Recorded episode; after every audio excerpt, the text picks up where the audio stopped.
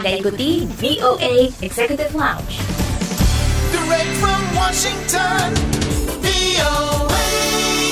Dari studio VOA di Washington DC, halo apa kabar? Kembali bersama saya Dania Iman seperti biasa dalam VOA Executive Lounge yang akan menghadirkan kisah inspiratif diaspora Indonesia di mancanegara, termasuk juga cerita-cerita menarik lainnya dari Amerika.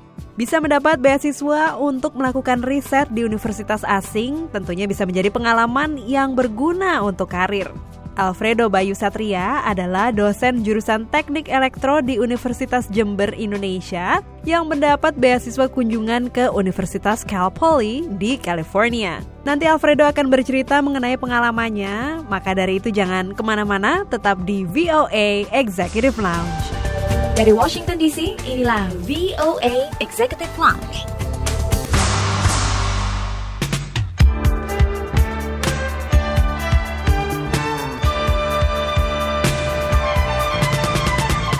Tahun baru adalah waktu terbaik untuk membangun semangat baru dan harapan baru. Ayo kita sambut tahun baru dengan penuh optimisme serta sukacita. Saya Nadia Majid, Kepala Siaran Bahasa Indonesia Voice of America, beserta seluruh staf di Washington DC dan Jakarta, mengucapkan selamat tahun baru 2019.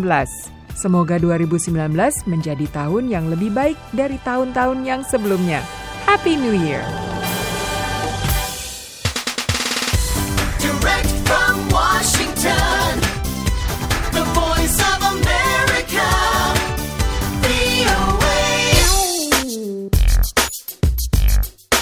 Anda masih menyimak The Voice of America, VOA Washington.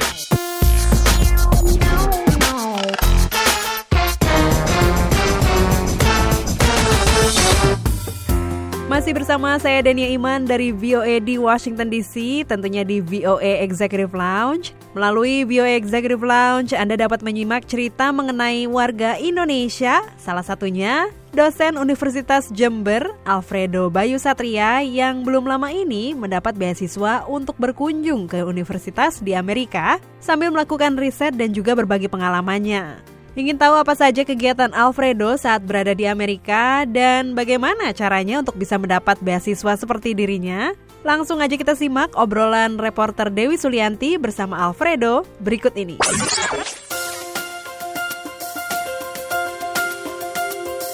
Saat ini saya Dewi Sulianti sudah terhubung dengan Alfredo Satria, warga Indonesia yang saat ini sedang berada di St. Louis Obispo, California. Langsung saja kita sapa. Halo Fredo, apa kabar? Ah, ah, baik, halo.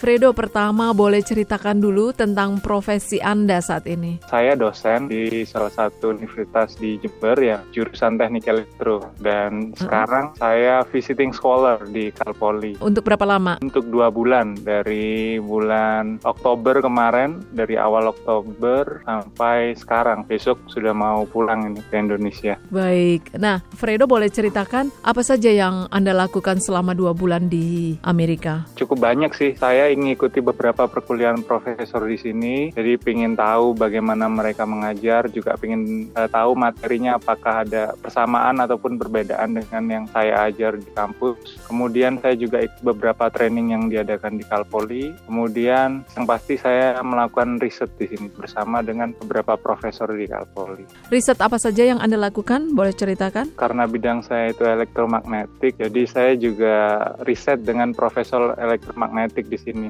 uh, Profesor Rakaki namanya Profesor Rakaki dari Calpoli. Risetnya sih tentang berkaitan sama Universitas Jember yang mau jadi pusat agriculture sama healthcare gitu ya. Saya mau buat alat untuk deteksi detak jantung, tapi menggunakan elektromagnetik. Jadi uh, sistemnya non kontak gitu. Berbeda sama uh, yang sekarang ada kan biasanya alat untuk ukur detak jantung itu ditempel di dada. Nah, bagi orang medis sesuatu yang menyentuh pasien itu kurang bagus karena beberapa penyakit kan dia menular dari sentuhan. Karena itu saya mau buat alat yang dia tanpa menyentuh pasien dia bisa deteksi berapa detak jantungnya pakai elektromagnetik itu tadi. Anda dapat visiting Iya. scholar ini dari mana? Kebetulan dapat dari IDB, Islamic Development Bank kebetulan mensupport Universitas Jember untuk jadi pusat unggulan bidang pertanian sama kesehatan. Jadi mereka menyeleksi beberapa dosen untuk diberangkatkan. Saya ikut seleksinya, kemudian diterima baik di Kalpolinya juga di IDB-nya akhirnya bisa berangkat.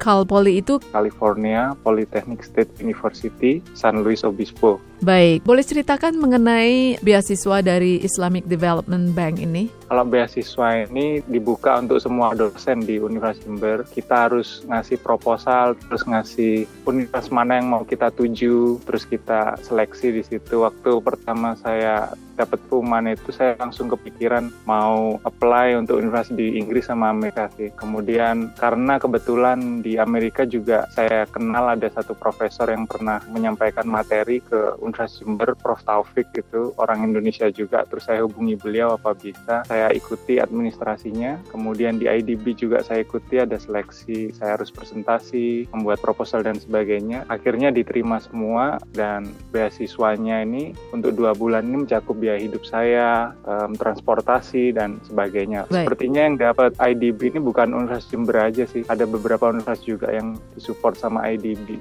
Baik. Pada saat ini, apakah Anda sendiri dari Indonesia? sendiri kebetulan kemarin yang diterima di batch saya itu ada sekitar 20 atau 30 dosen yang berangkat ke luar negeri cuman yang ke Amerika hanya saya yang lain banyak yang Australia Jepang cuma waktu saya sampai di sini ada dosen lain dari Indonesia juga yang mirip seperti saya visiting scholar dia Fulbright tapi dari Brawijaya Malang Baik. jadi ada temennya lah Apakah ini pertama Iya. kali Anda mendapat beasiswa ya, visiting scholar ini? Iya, kalau beasiswa dari S1 sudah sering dapat beberapa beasiswa ya. Ini pertama kalinya saya ke luar negeri dan langsung di Amerika. Jadi ada cultural shock lah awal-awal. Baik. Menurut Anda bagaimana Amerika? Pertama sih saya kan sering lihat Amerika dari TV aja ya, dari film-film gitu. Sampai sini cukup kaget juga gitu ya. Ternyata saya nggak ngerti ya, nggak bisa menilai Amerika secara seluruhnya. Tapi kalau di San Luis Obispo orang-orangnya sangat ramah. Saya bertemu dengan orang asing di jalan itu mereka selalu menyapa selalu membantu kalau saya bertanya. Yang kedua sih eh, di sini sedikit lebih maju ya dari Indonesia. Transportasinya, kemudian sarana prasarana, kemudian di Kalpoli juga fasilitasnya eh, jauh lebih baik lah dibandingkan di Jember. Jadi pas lah saya datang untuk belajar di sini. Banyak hal yang bisa kita pelajari lah dari orang-orangnya, dari fasilitas, dari ilmunya. Jadi ini pengalaman yang luar biasa buat saya bisa ada di sini. Apa rencana Anda sekembalinya ke Indonesia? Ya sampai di Indonesia ini riset lanjutan masih ada gitu. Jadi saya udah sering ngobrol dengan beberapa profesor untuk riset lanjutan gitu. Jadi menjaga kerjasama antara UNED juga dengan Kalpoli, antara saya dengan profesor di sini. Kemudian ya menerapkan beberapa ilmu yang saya dapatkan di sini. Saya ingin bangun laboratorium juga yang mirip seperti di sini sudah dapat gambaran oh di Kalpoli ini sistem laboratoriumnya seperti ini, pembelajarannya seperti ini. Ingin saya terapkan di tempat saya nanti. Baik. Kemudian terakhir, tips untuk teman-teman di Indonesia yang ingin juga mendapatkan visiting scholar seperti yang Anda dapatkan ini. Yang pasti yang pertama sih kemampuan bahasa Inggris ya. Yang kedua berani aja menurut saya harus dicoba harus berani. Baik, terima kasih Alfredo Satria dan selamat jalan kembali ke tanah Iya, air. sama-sama Dewi. Serta Iya, sukses selalu untuk. Anda. Ya, sukses untuk E. VOA. Voice of America.